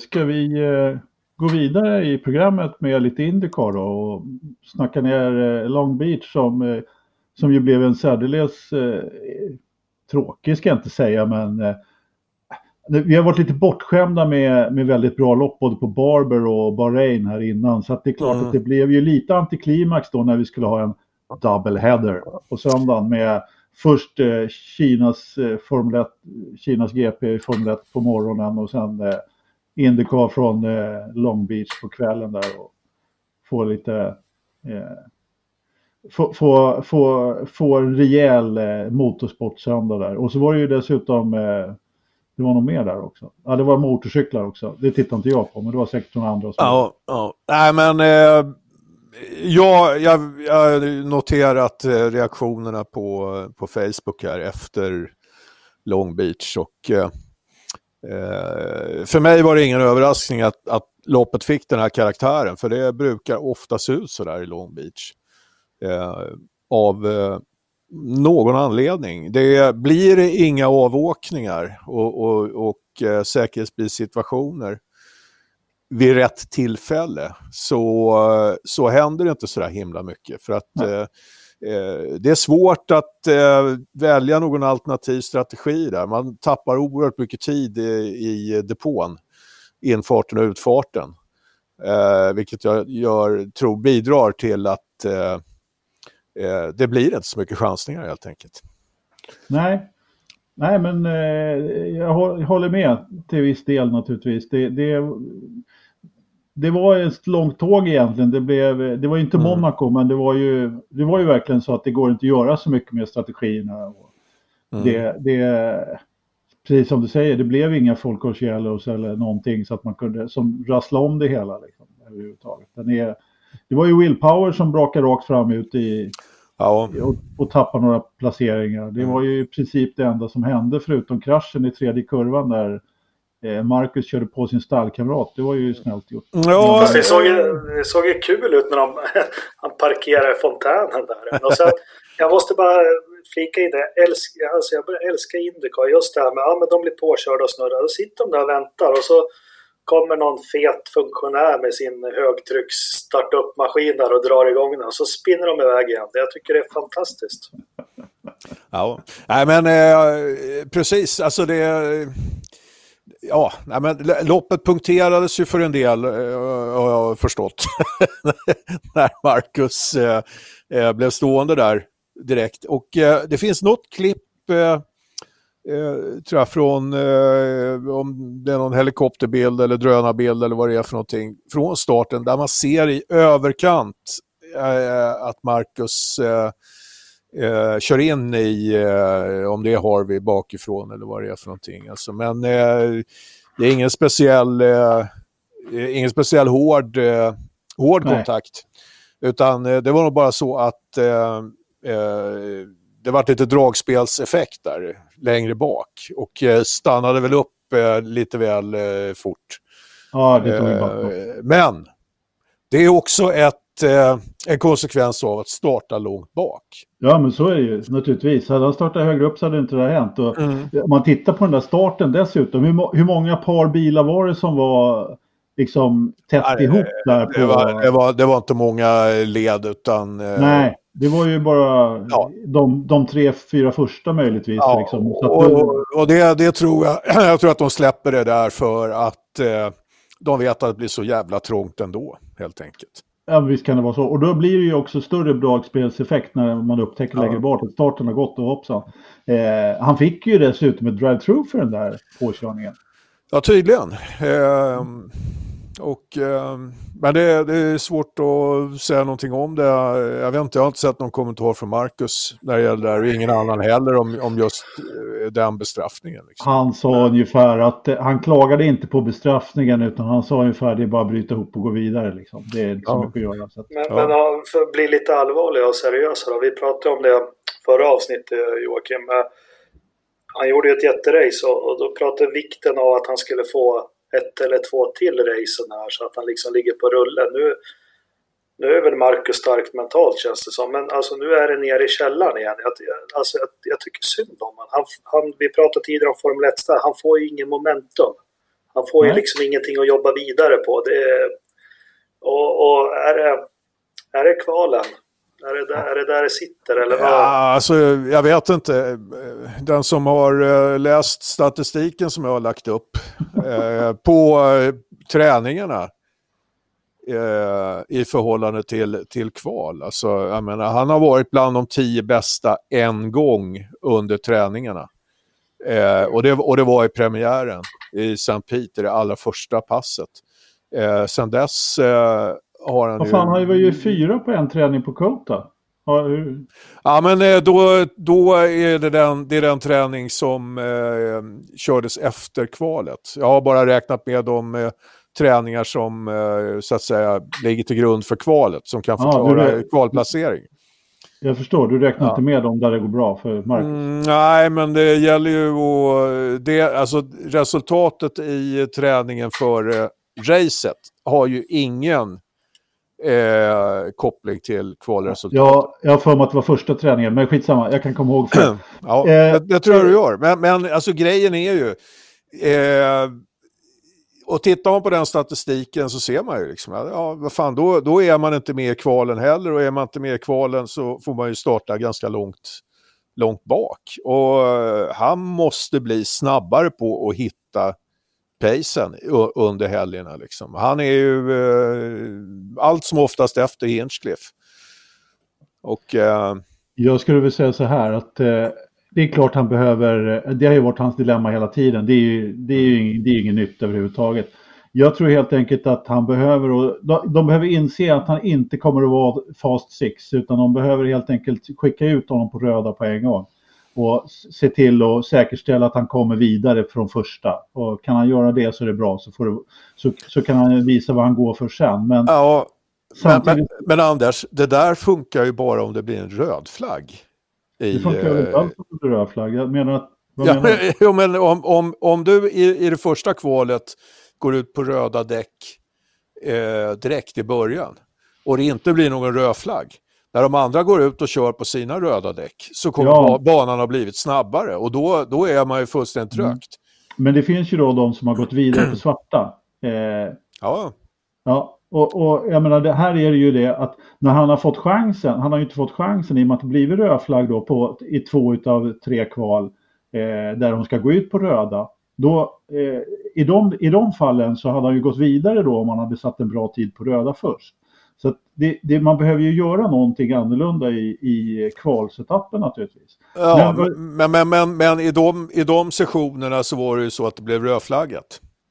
Jag sa ju det. Ja, ja exakt. Och, ja. och jag menar... Det... Och hade, man gjort, hade man gjort annorlunda då så hade, man ju, så hade han ju haft chansen att gå vidare. Men det jag menar är om det, om det blir ett helt kval och eh, man går ut på röda direkt så har man ju fortfarande chansen att sätta ett tillräckligt bra varv i den första sessionen om det blir rödflaggat. Och i den andra sessionen då får han ju också chansen att sätta på röda däck. Den, nackdelen är ju att han inte har några röda kvar eh, längre fram i kvalen. Nej, nej. Men, men då, då, då är vi ju där igen, tycker jag, där... Eh, där, där, där, där, jo, men, jo, men där, där, där vi var i F1, där man liksom anpassar eh, race-strategin efter att, eh, att, att nej, han är inte tillräckligt snabb. Nej, nej, men, ja, men hallå, man måste ju utnyttja sina svagheter och styrkor. I det här fallet, för det första så, så skulle jag bara säga till, lägga till att jag menar här i Long Beach, det är ju inte hans bana överhuvudtaget. Det är ju inte hans grej. Det är ju, det är ju Felix bana.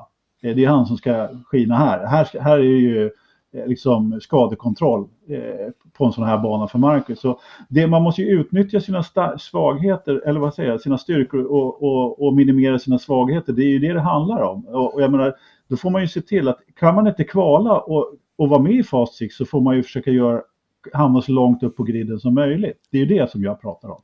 Inte om att man, att, att man ska anpassa liksom någonting annat. Du har ju, förare har ju olika styrkor och vissa är ju superkvalare men kanske inte är lika snabba i loppen. Ja, det är klart att du måste ju starta längst fram för att ha förutsättningar för att, eh, för att få ett bra resultat. Och jag menar, i Marcus fall så har han ju extremt bra racecraft istället då på på vissa banor. Och jag menar, det, det är det han ska utnyttja. Då måste han ju naturligtvis starta så långt upp som möjligt.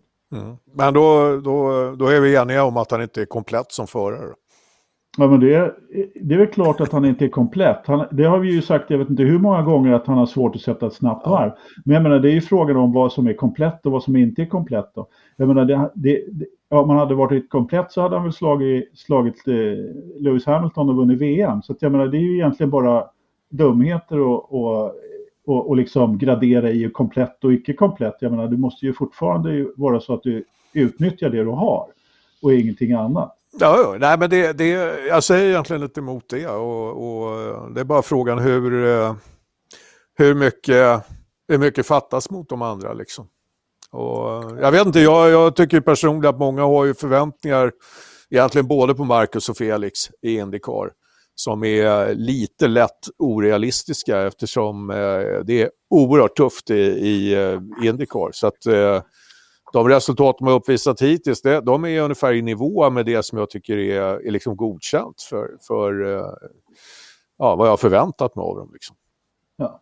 Nej, men vi tippade ju lite grann här före. Eh, jag vet, vi kan väl prata lite Felix istället. Jag menar, han har ju...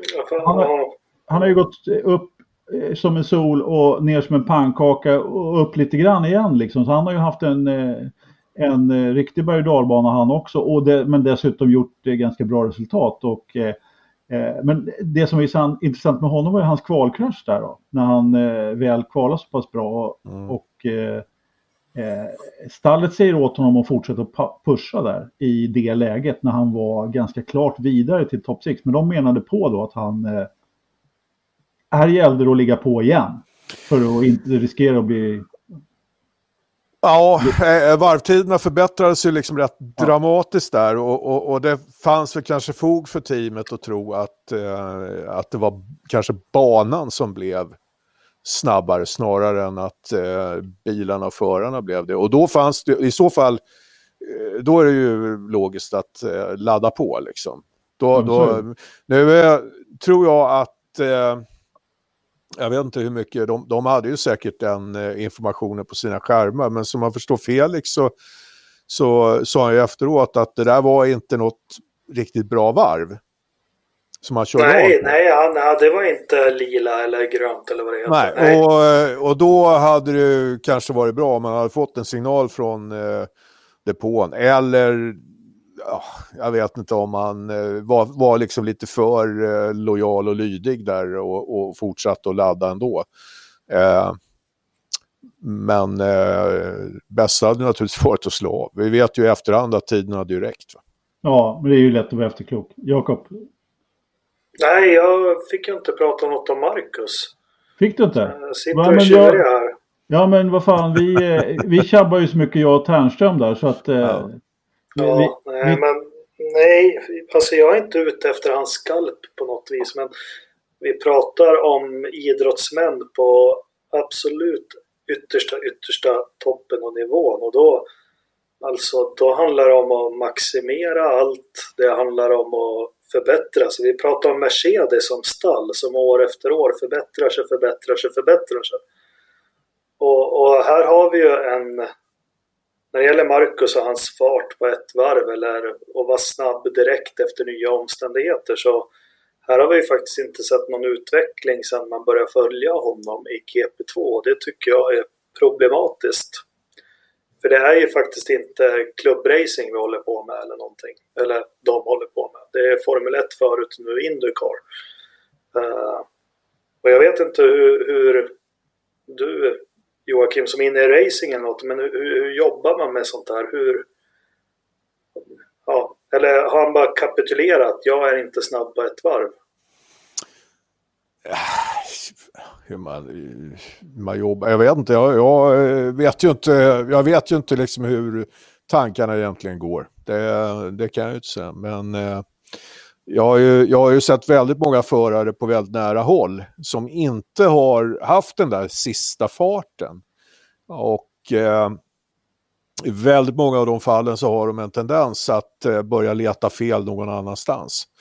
Eh, och, och, och, det är kanske inte så mycket för att racerförare eh, är liksom annorlunda än andra idrottsmän, men, men till skillnad från andra sporter så finns det ju en bil också där man kan börja leta fel. Va? Och väldigt många eh, börjar då eh, fokusera på inställningarna på bilen, det är det som inte funkar. Man, man, man, eh, och, det, och det kan ju gå till sån... Eh, eh, eh det kan ju gå så långt så att man, man börjar ju skruva bort sig istället. Va? Istället för att eh, nöja sig med att man är en tiondel bakom så är man plötsligt en halv sekund bakom för att man har börjat skruva bort sig. Man försöker hitta, eh, hitta någonting i bilen som inte finns där. När det egentligen handlar om att man inte är, är tillräckligt snabb. Liksom. Men eh, hur sjutton det är i Marcus fall, det, det, vet jag inte. Jag, jag tror att eh, han, han, borde ju rimligen vara medveten om att, att eh, eller ha någon självinsikt om att liksom, fan, det, det saknas någon tiondel här. Liksom. Så att... Eh, ja, men ja, ja det, det, det... Men är det inte lite samma som 80-talet, Lillövis? Han kunde ju aldrig vinna för han kunde ju inte kvala. ja, men det, är, Nej, men, det är lite intressant då, för, för Lillövis eh, eh, jag har lyssnat och, på några intervjuer med honom och även läst så medger han ju att vet, när han körde med Prost till exempel så insåg han ju bara att ja, men fan, den här killen är på en helt annan nivå än vad jag är. Liksom. Eh, och eh, han medgav ju liksom att nej, men han, han, var, han var ju efter. Jag vet, även för, även för Damon Hill var det ju på det viset när han körde med Prost. Upptäckte liksom att eh, fan, den här killen är på en annan planet. Liksom. Jag får vara jätteglad om jag är tre tiondelar efter. Och det kanske var eh, det bästa sättet att hantera det på. Att eh, förlika sig med att man, eh, att man inte är lika snabb som den där andra liraren. Utan man får rikta in sig på andra grejer. Man får göra så jävla gott man kan. Va? Då börjar man i alla fall inte leta efter fel på andra håll än, eh, eh, än sig själv. Eh, och det, det kan nog gynna både Lillövis och, och Eh, Damon Hill tror jag. Sen eh, tycker jag att eh, när det gäller Lill-Lövis, eh, man, man, kan göra den jämförelsen men, men det är också så, eh, i min värld så körde han under en era när Formel 1 var som allra bäst, när man hade, jag vet inte hur många världsmästare som stod på startlinjen. Eh, och eh, det fanns hur många förare som helst startuppställningen som hade vunnit ett F1-race. Eh, och bilarna levererade ju hästkraften åt så in i helskotta. Så det var, de, de, det var ju monster. Va? Så att, eh, där eh, känner jag ändå att eh, det var inte alla förare som kunde hantera de där bilarna. Eh, och eh, ursållningsmekanismen var, så, var, var, förmodligen lite bättre på den tiden. Och eh, eh, Löfves försvarade sin plats där tyckte jag. Men eh, ja, nej, men jag, jag, jag vet inte om det är något eh, svar på frågan. Det är ju ingen här som eh, så att säga följer Marcus från insidan, så att, eh, det är svårt att säga. Ja, Felix var du inne på. Sorry, nu fick jag prata lite Marcus, men, eh, ja, men Felix. Jag, jag, jag, jag, jag, jag, tyckte bara att eh, allt det här som, eh, jag ska bara lägga till en sak bara. Jag, alltså att, att alla vet ju, han själv vet ju också att det, saknas någon tiondel i kvalet. Så jag menar, det, det är, det är liksom inga, det är inga nyheter det här. Det, det vet vi ju sedan tidigare. Så att, menar, det är ju ingenting som man behöver eh, jobba med.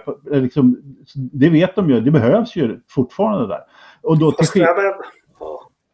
ja ja, förlåt Anders, fortsätt. Nej, men eh, om vi jämför med eh, andra förare, som, som till exempel Felix då, som vi var inne på, som, där, som, är, eh, som har förmågan att sätta väldigt snabba, kvicka varv.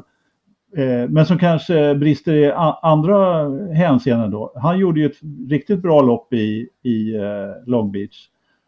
Kommer, eh, eller riktigt bra, men han, han gjorde i alla fall vad han kunde. Men han fastnar, det, det kan ju också kännas lite märkligt att komma då från europeisk racing och sen så när man ska varva. Framförallt så klagar han ju lite på Marcus att han fastnar bakom honom och eh, i gulflaggsituationen där. Nej, blåflagg som inte finns. Och eh, fastnade då bakom eh, bland annat Marcus och, och, tyckte att det var där han förlorade loppet lite grann. Ja men så kan, så kan det ju ha varit och eh, Eh, och Felix eh, var väl lite besviken på det också, men eh, jag tror att eh, Eh, och, och, Marcus sa ju det att han, han lät ju nästan lite förvånad över att han fick de, det beskedet från teamet liksom att nu fan nu ska du inte flytta på det liksom. Nej, och, och, och nu, nu, var, nu var det ju så att de hade ju Hinchcliffe och, och, eh, och, och skydda lite grann där med hjälp ja. av, av Marcus. Eh, men, men det, är, det är inget konstigt i Indycar. Det är så det funkar där. Man kör utav helvete även om man är på väg att bli varvad. Eller i synnerhet när man är på väg att bli varvad. För att man vill inte släppa ett varv liksom, till, ja, till eh, konkurrenterna. För blir det en säkerhetsbilsituation, då vinner man tillbaka. Då är man tillbaka på ledarvarvet. Ja. Så att eh, det där är bara för eh, gossarna att vänja sig vid. Alltså. Ja, men så är det ju. Så är det definitivt. Och det, och det, och det, fan man ser det, det finns ju många som klagar över det här på, på, på, på Facebook kanske är man liksom och tycker det är för jävligt. Blåflagg, då ska man flytta på sig liksom. Nej, det, det, jag tycker det är en jättebra regel alltså. Det, det gör ja, det liksom att, ja, det, det, är annorlunda och det ger förare som råkar ha hamnat långt bak av någon anledning en möjlighet att faktiskt ta sig tillbaka. Mm. Eh, jag tror att det var, kan det ha varit, eh, jag vet Jacques Villeneuve lyckades väl vinna Indy 500 efter att ha legat två varv efter. Det är bra jobbat. Eh, vi får ta och kolla upp det där, men eh, jag vet att eh, han eh, hamnade jävligt långt upp, eventuellt vann något race, om det var Indy 500 eller vad det nu var, när, när han faktiskt låg två varv efter och eh, lyckades kämpa sig tillbaka den vägen. Och det är ju helt omöjligt att göra i Formel 1 till exempel. Ja, det närmaste vi har kommit är när Ocon eh, ovarvar sig själv på förstappen, eller vad? Ja, precis. ja, nej, nej men eh, Jakob, eh, det som hände i Long Beach, eh, eh, det hände ju då på sista halvan av sista varvet. Och då hade jag knoppat in. Ja, men precis. Då hade du somnat.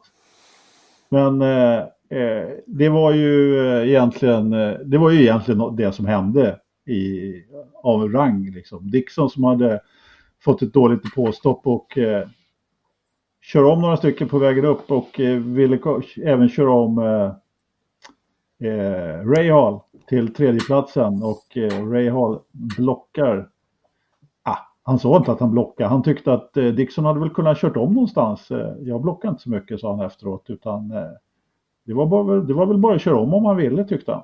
Och, ja, fan hörde vi samma intervju? ja, han sa ju ordagrant så. Fake, fake news. Nej, han, det, vet, Ray sa verkligen att ja, han hade väl kunnat köra om om han kände för det ungefär. Vad, vad, vad, tyckte du att han vad hörde du att han sa? Jag förstod det som att Real var medveten om att eh, den här manövern var tveksam och han sa ju också att eh, ja, vi har, det, det, det liksom, han var inte så jävla upprörd över att eh, han fick en bestraffning och flyttades ner den position då, i förhållande till, eh, till Dixon. Utan, det det, det, han, de hade tappat positionen i annat fall. Va? Eh, och eh, inget, inget konstigt eh, med eh, det domslutet heller tyckte jag. Eh, det där var verkligen på gränsen och är det på gränsen så kan det ju eh, beslutet gå åt ena eller andra hållet. Men de är ju jävligt känsliga för det där liksom att Ja, blocka gillar de inte. Ju. Nej, det gör de definitivt inte. Och det är det som ger bra racing, att eh, man har den regeln alltså. Det sa han också, Dickson, för övrigt i den där intervjun som vi tydligen har lite olika lösryckta citat ifrån, att ja, vill de ha blocking, nej vänta, det var ju Dickson som sa, vill de ha blocking så får de ju ändra på reglerna helt enkelt. Så sa han, så att, mm. var ju precis inne på det.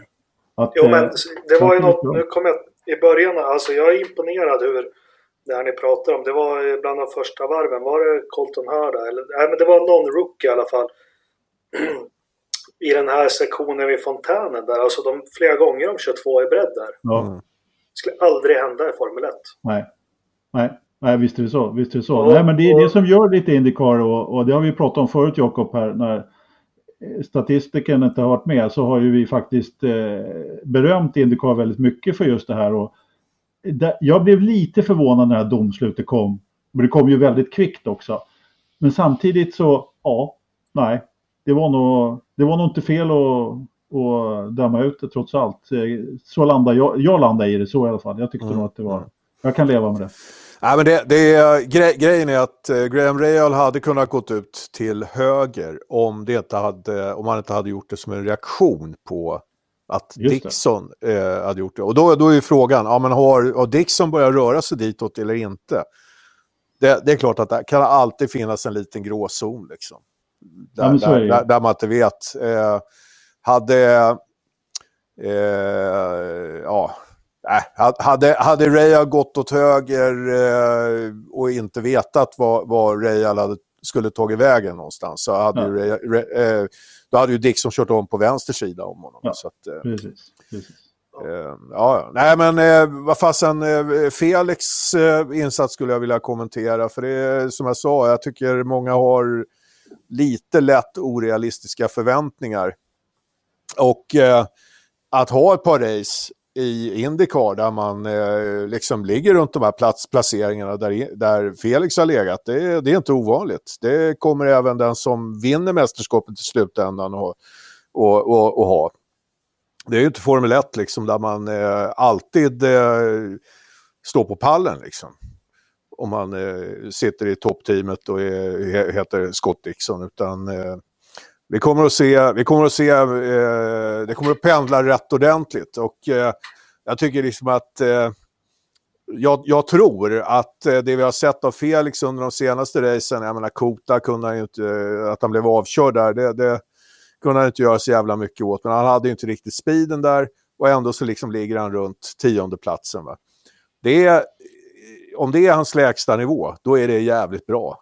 Ja, absolut. Eh, det gäller ju att hålla sig där. Absolut, så är det ju. Och, och, och ligger han då mellan tionde och eh, någon av topplaceringarna över hela säsongen här, eh, ja, då kommer han liksom att, att, att hamna någonstans mellan sjätte och åttonde plats skulle jag tro att han skulle kunna klämma sig in på som bäst. Och det är ingen katastrof om man eh, eh, slutar tia heller. Liksom. Men, eh, men, men det, här helt okej det här med förväntningarna för, för mig som...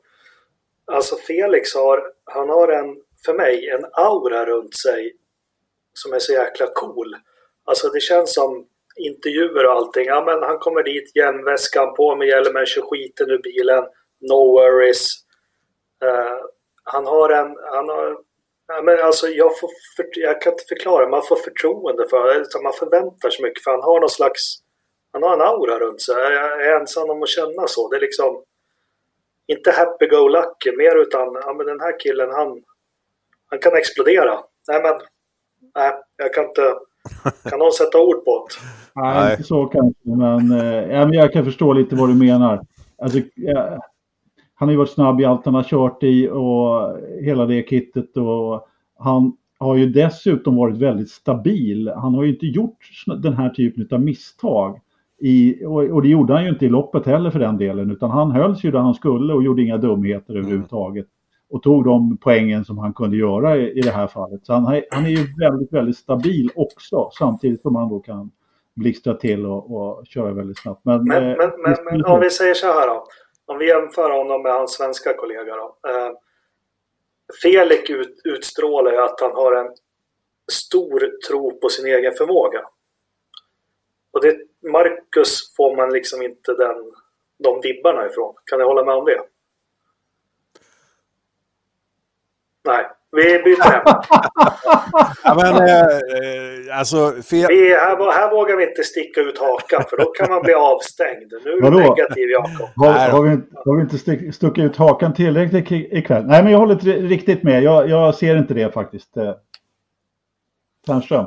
Ja, nej men eh, jag vet inte, jag pratade lite med Mattias Persson här eh, för eh, någon vecka sedan, en och en halv. Eh, Mattias eh, är ju Felix presskille då. Och eh, han berättade lite grann om hur Felix funkar och, och, det stämmer väl ganska väl överens med de intryck man får. Liksom. Han är väldigt... Eh, eh, eh alltså han är väldigt enkel och eh, ärlig och rak när det gäller eh, liksom sina egna misstag och brister och när det inte har gått bra och så vidare. Va?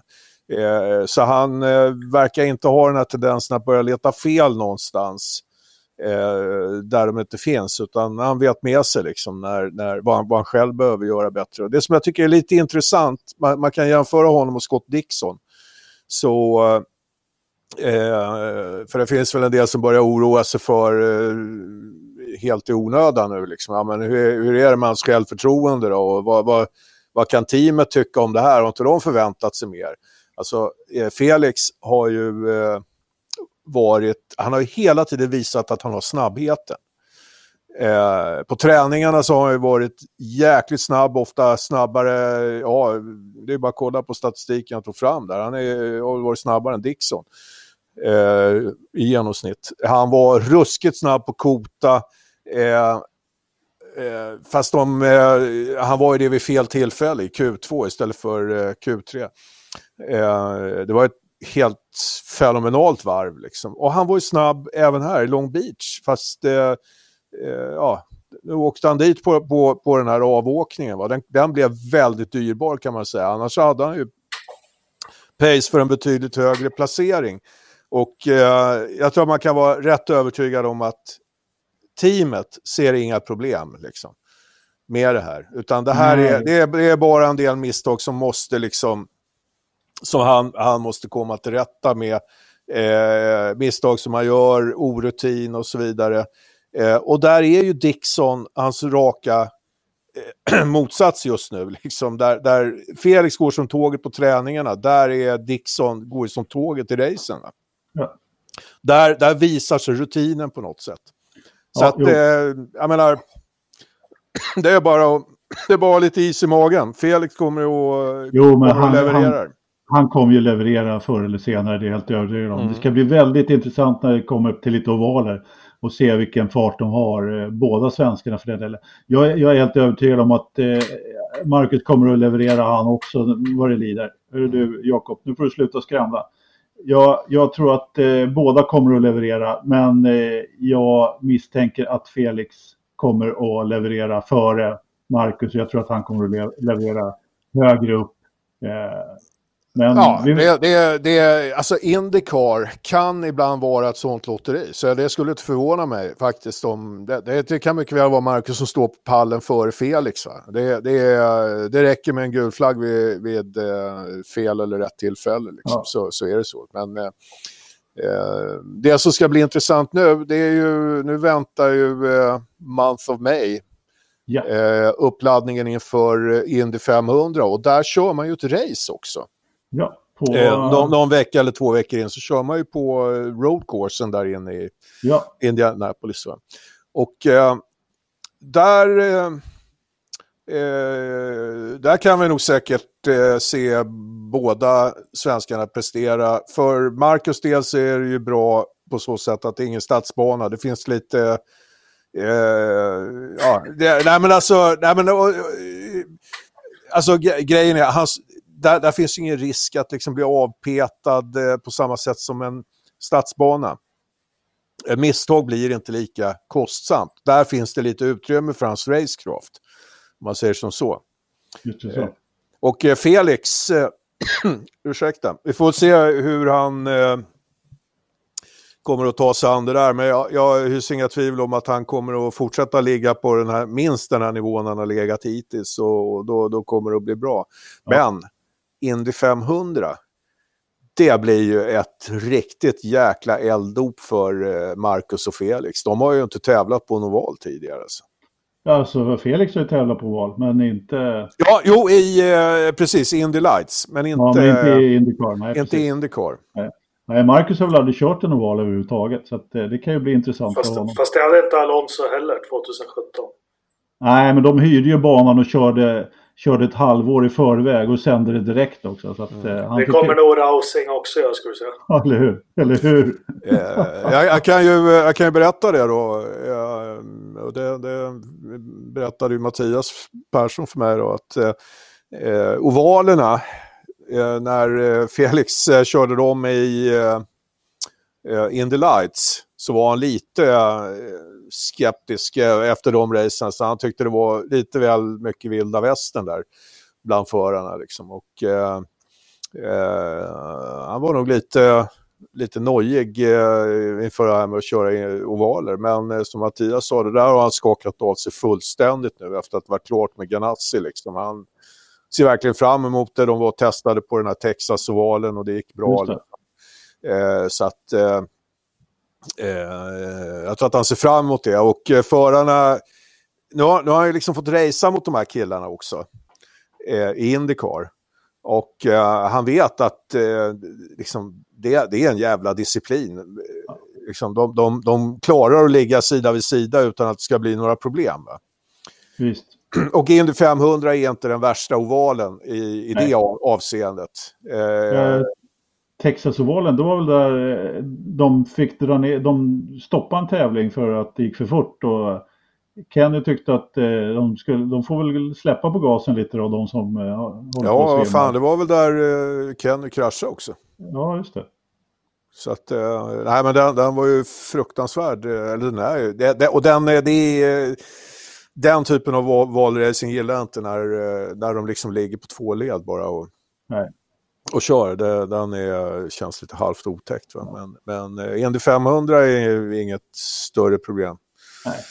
Ja, det är en annan typ av oval helt klart. Ja, men ni, det, blir en utmaning för dem, det, det kommer ja, det bli. Ja, det kommer det definitivt bli. Jakob, har, har, du något mer att tillägga innan vi går? Vi har pratat en och en halv timme säkert mer eh, redan. Nej, jag är nöjd. Är du nöjd? Du har väl aldrig varit med? Vilken, när, när är nästa lopp? Eh, det är om, eh, det är Baku om två veckor va? Mm. Som, eh, så nästa, nästa podd, det vill säga på, eh, på vad fan blir det då? Annandag påsk.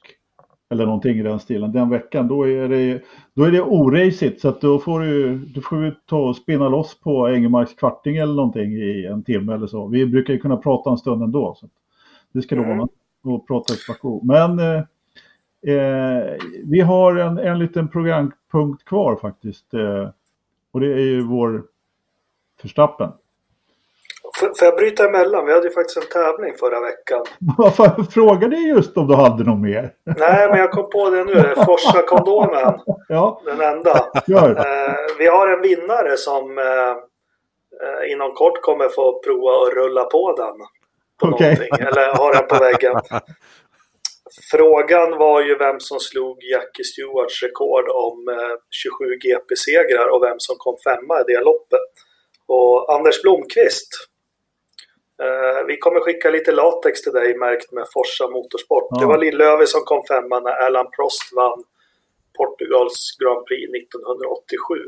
Eh, det jag minns extra mycket var att Gerd Berger ledde det loppet ganska stort, 20-25 sekunder och Prost gjorde ett klassiskt Prostlopp och åt upp det där sakta och sakta och sakta och säkert och Berger var helt vansinnig på Lillövis efter loppet och sa att om jag någon gång får chansen att sabba racevinst för honom så kommer jag göra det.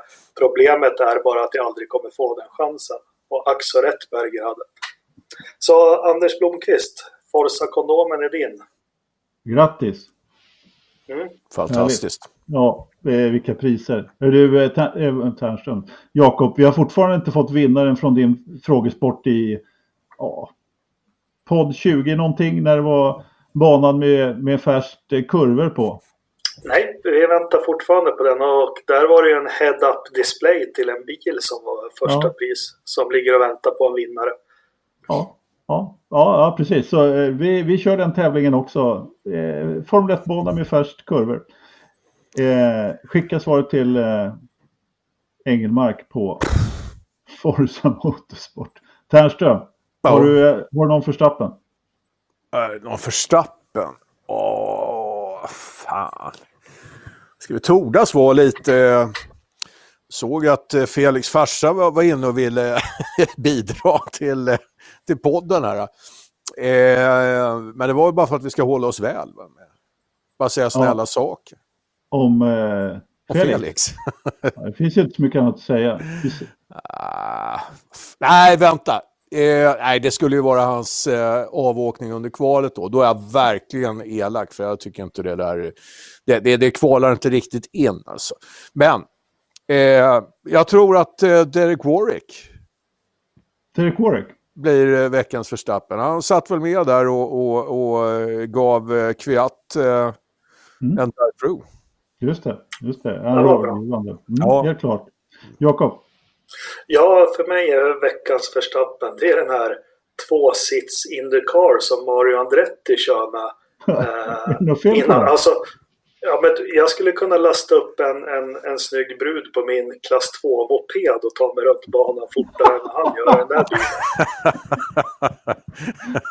jag läser Jakob, jag tror inte du slår Mario Andretti eh, eh, ändå, men, men ja, nej, det går inte så jättefort. Nej, det ser, ser jättetaffligt ut. Och Mario, han måste väl vara närmare 80 bast nu? Ja, 120 tror jag. Ja, ja, vi kan inte nämna Mario Andretti utan, och, och prata om Indycar utan att nämna att han är väl den äldste som har vunnit ett Indycar-race. Han ja, eh, ja. vann på Phoenix-ovalen och var han 54 bast. Ja. Och han gick faktiskt ut, det var det förra året, och hävdade med bestämdhet att skulle han bara hitta rätt ork så skulle han kunna vara med och tävla i Indy 5. Han, han, han, var helt, ja. han var helt säker på det. Jo, men eh, han, han, det, var, det är ju inte så där jädra många år sedan han testade. Nej, på, nej, på Indy. Och eh, det höll ju på att gå riktigt åt helskotta ja, för ja, gubben. Ja. Biljäveln eh, tog ju, förmodligen, jag tror att det var eh, Kenny Bräck som låg framför honom och tappade någonting. Mm eh, som gjorde att eh, Mario fick eh, luft under bilen. Just det. Just det. Och gjorde, gjorde eh, alltså det måste vara motorsporthistoriens värsta volt det var någonsin. Jätte... Ja, den, var, den, den flygturen var jättefin. Vi måste nästan leta upp ett klipp på den. Ja, ja, ja. Och, och grejen är, hade den, eh, den där volten hade lika gärna kunnat inträffa under tävling. Och hade den gjort det i slutet på rakan, ja, visst. Då hade, då hade bilen kunnat landa rakt upp i läktaren. Alltså. Ja, visst. Jag, titt, jag, jag tittar på den nu. Det är 2003 IRL. Helvete säger jag bara. Ja, ja det var en rejäl luft. luft ja, alltså den är ju värre än han Dan Weldons. Ja, var... ja, ja, ja. ja men ja, det ja. där, jag, jag, tror inte det finns någon som har tagit så mycket luft som... som Nej, alltså, det var ju Mark Webb på Le Mans i så fall. Men ja. annars så är det ju den, den, den, börjar bli där någonstans. Liksom. Men vad är det han kör över? Det är något vitt som ligger där. Ja. Jag lägger ut länken. Ja, gör det. Gör det. Nej, men det, det var någonting som lossnade på Kennys bil om jag inte minns helt fel. Min eh, veckans förstappen, eh, jag hade tänkt ut en jättebra som jag glömt bort. Men jag, men jag hittade en ny ganska snabbt faktiskt. För att eh, med tanke på vår nästa program, programpunkt här så, så är det så att min förstappen är väderstationen i Grävlingssjön faktiskt. Mm -hmm. Vad nu då? Ja, det är för jävligt. Det är ja. värre än för jävligt. Har den lagt ner? Nu ska jag, jag citerar. Fel på väderstationen. Får inte kontakt med väderstationen. Är nere i Halland, Skåne och har gjort allt jag kan härifrån. Men inte lyckats få liv i den. Tyvärr kommer inget att hända förrän jag är hemma i Ållasliden igen 26 maj. I värsta fall behövs en ny väderstation. Men det, det där meddelandet måste ju vara skrivet direkt till oss. Det kan ju inte finnas några andra jävlar som är inne på det. jag tänkte detsamma. Men, Men hörni, det förklarar för den här Swish-kampanjen. Då var det en som skrev som meddelande bidrag till ny, till ny väderstation i, i Grövelsjön. Ja, det är uppenbarligen så. Jakob, du kan ju det här med insamlingar och grejer. Alltså det, det, vi får ju helt enkelt fundera på om vi kanske får ja, starta någon form av eh, insamling igen här. Eller så, så är det ju, man kan ju säga så här, det är fritt fram på med skinnjackan och eh, kofoten i, i innerfickan. Det är fritt fram till 26 maj. Och... Bryta sig in i datorförrådet och slå en väderstation som inte funkar. Ja. Vad fan gör han i Halland, Skåne då? Har ni, är det några påsar ni har ihop? Du brukar ofta vara där, Ternström.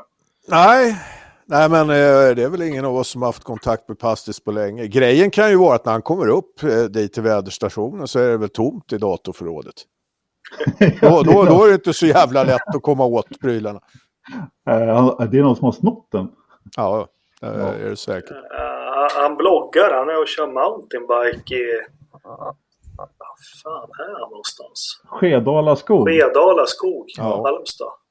Ja, nej men hörni det här blir... Alltså 26 maj, det är ju långledigt alltså. Ja, ja. ja, Han, fan, han gick ju i pension. Han stängde ju ner Forza Motorsport och gick i pension och ja. flyttade upp till Idre sen. Han har ju varit ledig och bloggat och väderstationat och cyklat i 15 år känns det som.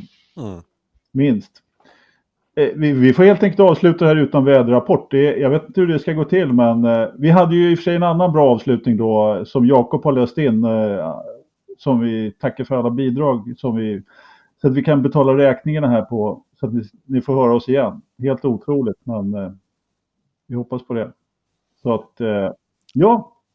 En sista fråga Ternström. Vart är det du sitter just nu? I vilken ambassad är du asyl i just nu? Ja, jag har uh, uh. Du hördes knappt din fråga Jakob, men han ja. frågade vilken ambassad du satt på eller? Ja, just det, precis. Uh, Eh, jag har, eh, av olika anledningar kan jag inte säga det. Eh, men jag har ett lite annat problem också. Jag måste såga av den här jävla fotbojan som jag har fått också. Så att, eh... det, blir en, det blir också en dedikerad insamling. Ja. Till, tillräckligt stor eh, bultsax. Ja, ja. Nej, men hörni, eh, ha det bra så länge så tackar vi för den här podden så hoppas vi att vi hörs igen. Ha det bra hörni. Ja, men tack så mycket. Tack. Dan Jakobsson. Thomas Alsterland. Hanni Servikangas. Jörgen Kindblad. Robert Hedebrand. Niklas Malmer. Johan Lindberg. Robert Berggren Ulrik Nilsson Jörgen Jäderberg Oskar Jonsson John Berglund Jens Lennart Schill Anna Tempelman Olle Danielsson Mikael Bjarme Mikael Wester Måns Nordell Jesper Nilsson Joakim Fagerlund Roger Svensson Mikael Kuhn Gergli Farkas Mikael Tält John Kinnunen Thomas Lodin Tommy Törnqvist Thomas Skalberg Olof Laneryd Fredrik Ståhle. Linda Åkesson Joakim Persson Fredrik Olsberg Jakob Engelmark Tack ska ni ha allihopa.